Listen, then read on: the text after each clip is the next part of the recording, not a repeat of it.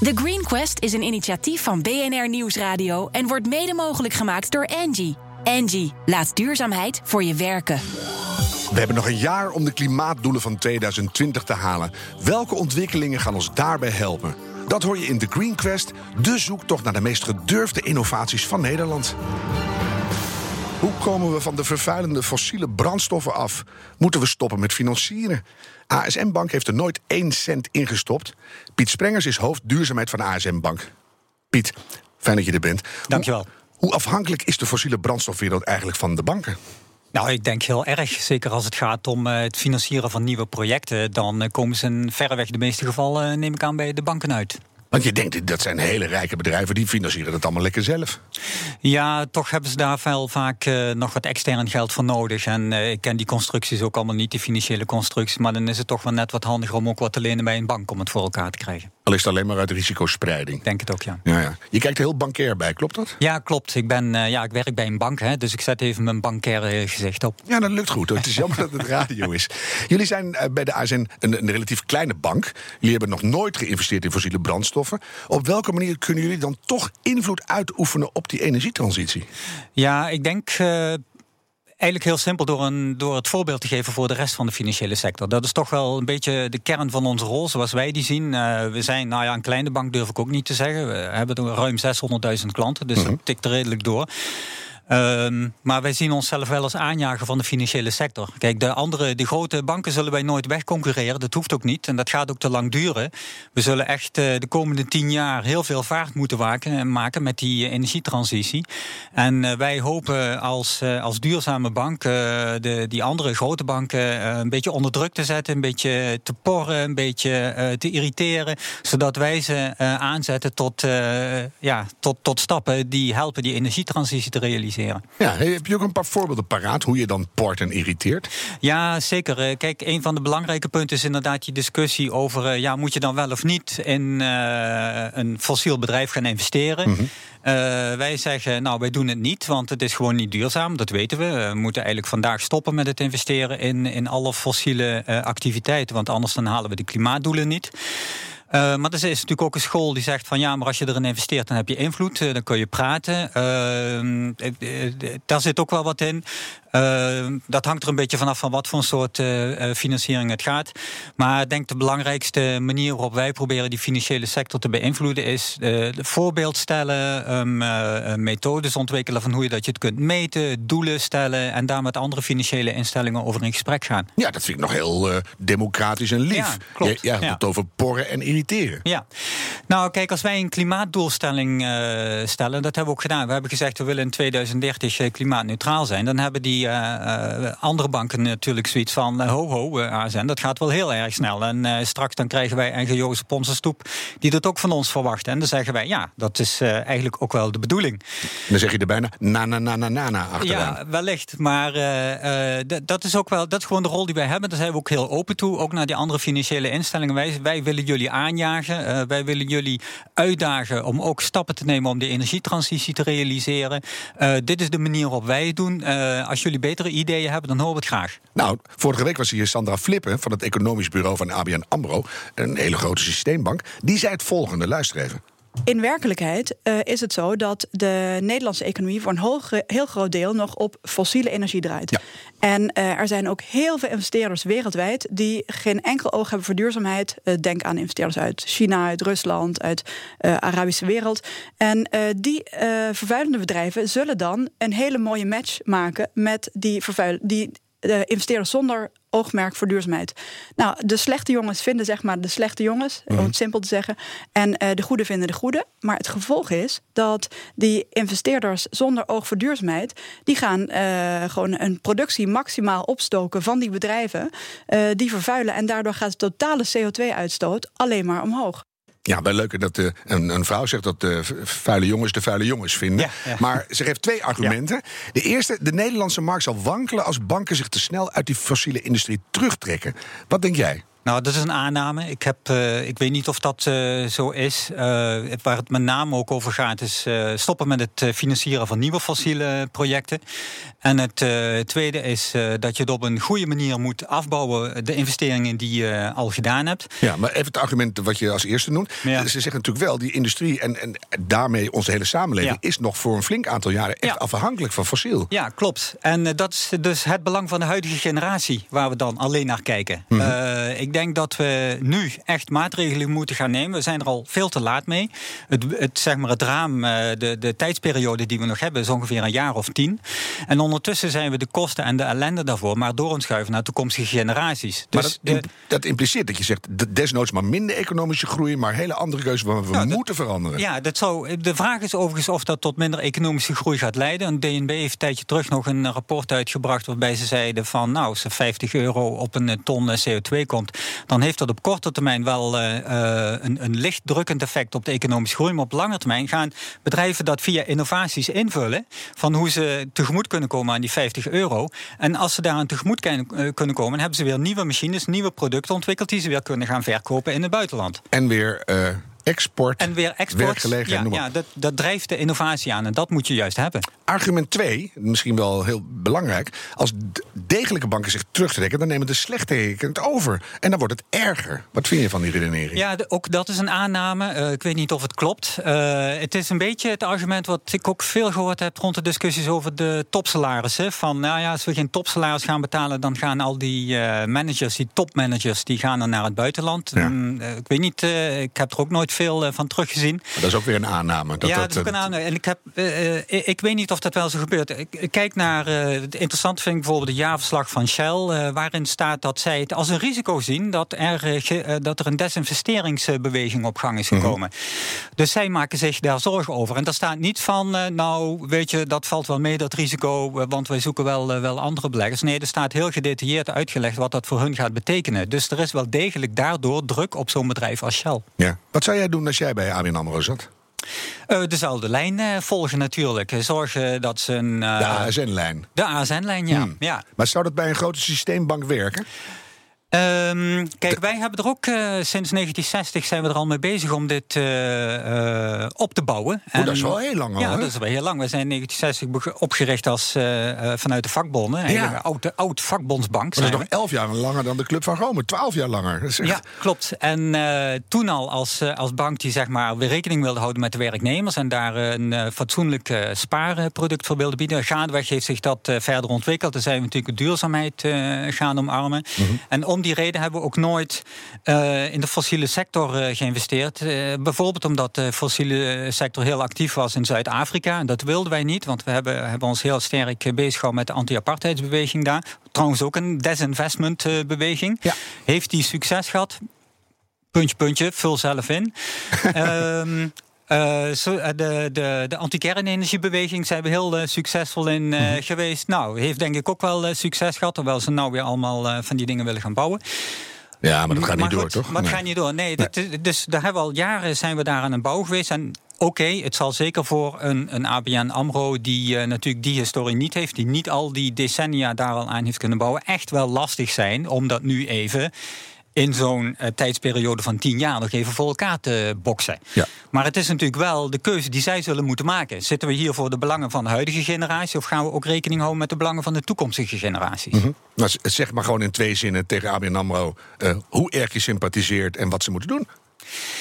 Nou, ik denk dat. Uh, wat ik heel fijn zou, heel leuk zou vinden. Het geldt trouwens niet alleen voor ABN, maar het geldt voor de hele financiële sector. Ik zou graag willen dat zij uh, uh, lange termijn doelstellingen voor klimaat zouden gaan hanteren. Dat is mhm. ook wel iets waar we trouwens met hun in samenwerken. We hebben een, een, een platform opgericht, platform Carbon Accounting Financials, wat, waar veel financiële instellingen zijn bij aangesloten. Juist omdat wij daar ook het initiatief toe hadden genomen.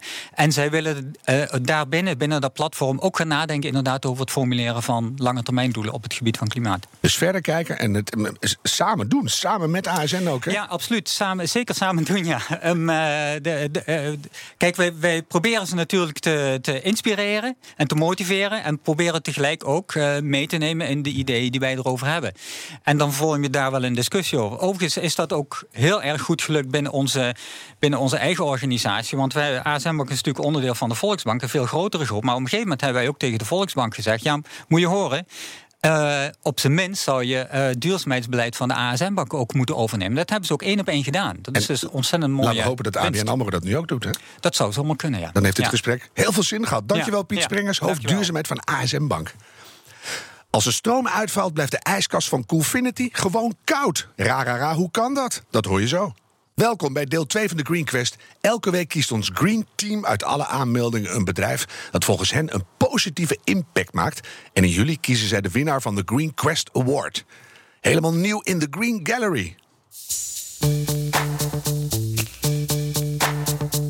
Who do you think is stupid enough to build a completely new fridge when everybody already has three?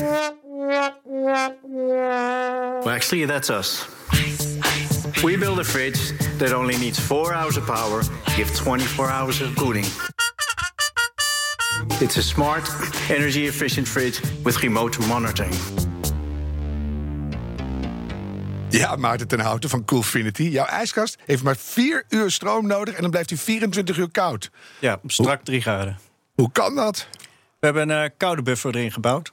In huistuin en keukenwoorden zijn iedereen heeft van die blauwe pakjes in zijn vriezer... die je in je koelbox stopt om te gaan picknicken met je partner. Die hebben we uit de eh, vriezer gehaald, geïntegreerd in de koelkast. Als er stroom is, bouwt hij die koude buffer op. Als er geen stroom is, scheeft hij die langzaam af. Eigenlijk een soort middeleeuwse oplossing. Ja, we gaan terug in de tijd. Je pakt gewoon het ijs uit de sloot en dat gooi je in een ijskelder. En daar kan je in de zomer pudding mee maken. Ja.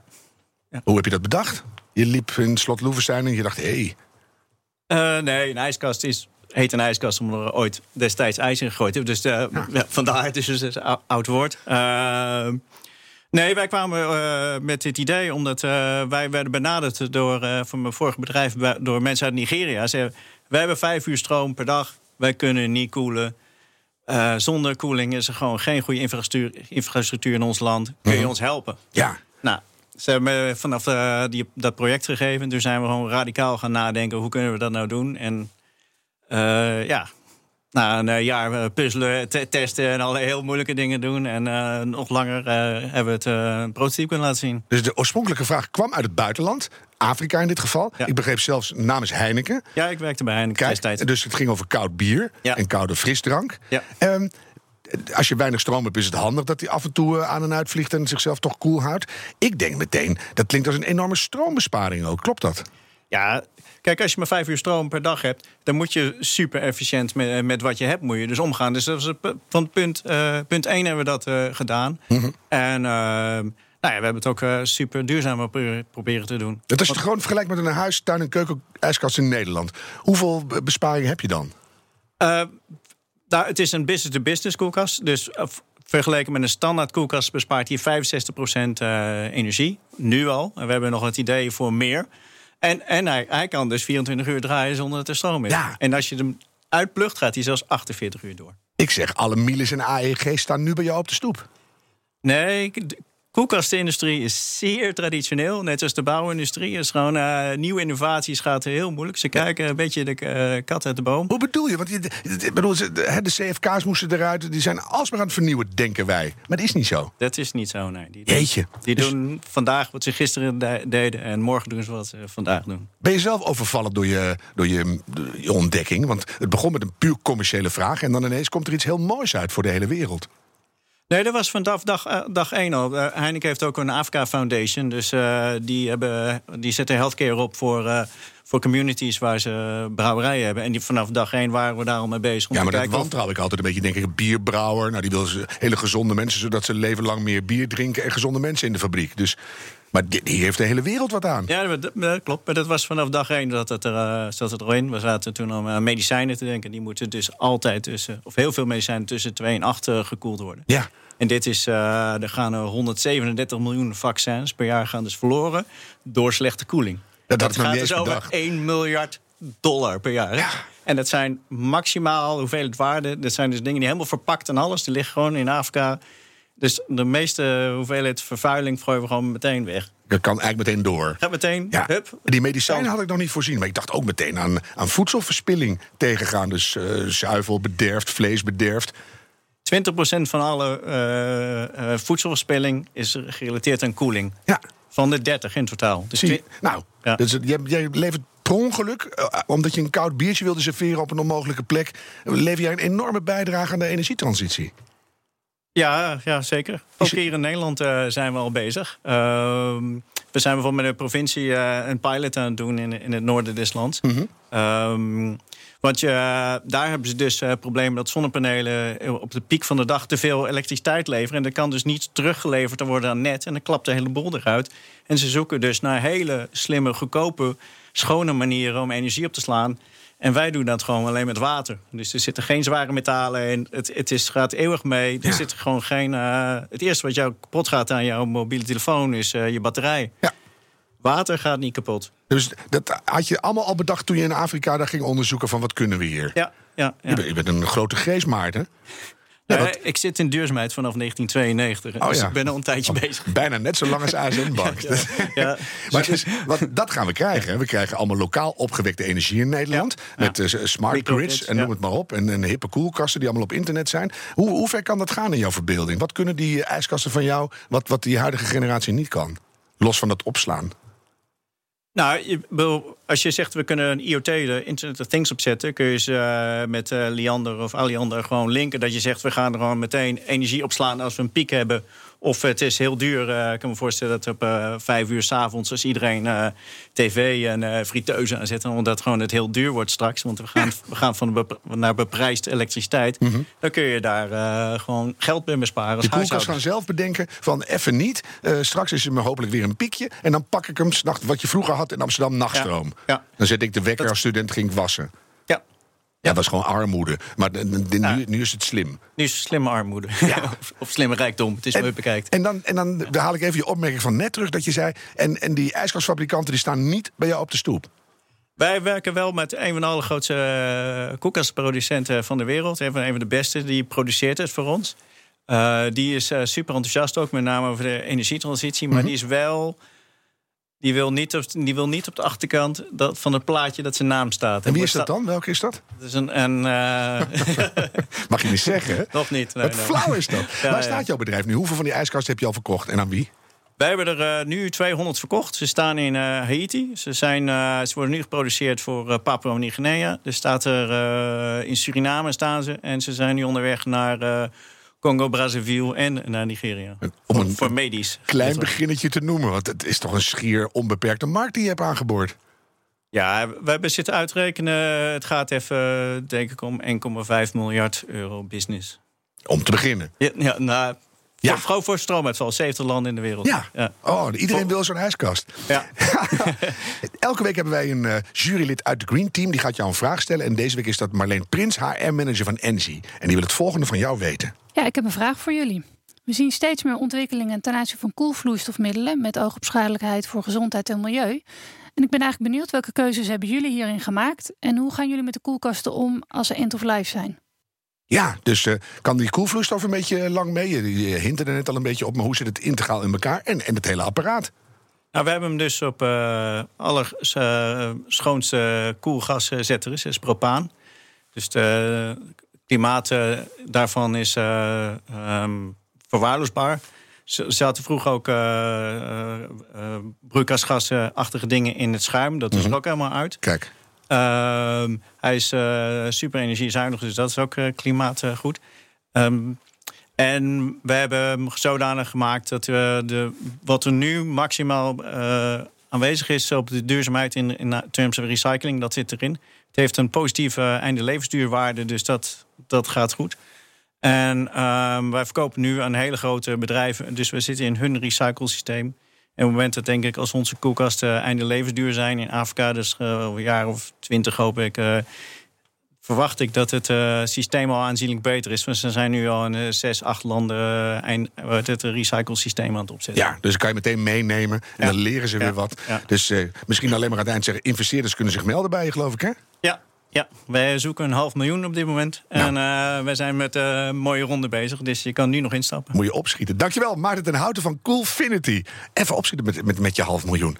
Wil je onze zoektocht naar de meest duurzame innovaties volgen? Luister dan elke week naar de Green Quest en bekijk de Green Gallery op ons platform, thegreenquest.nl. En de uitzendingen zijn ook terug te luisteren via de BNR-app en bnr.nl of als podcast in iTunes en Spotify. Hou hoop en doe het duurzaam. The Green Quest is een initiatief van BNR Nieuwsradio en wordt mede mogelijk gemaakt door Angie. Angie, laat duurzaamheid voor je werken.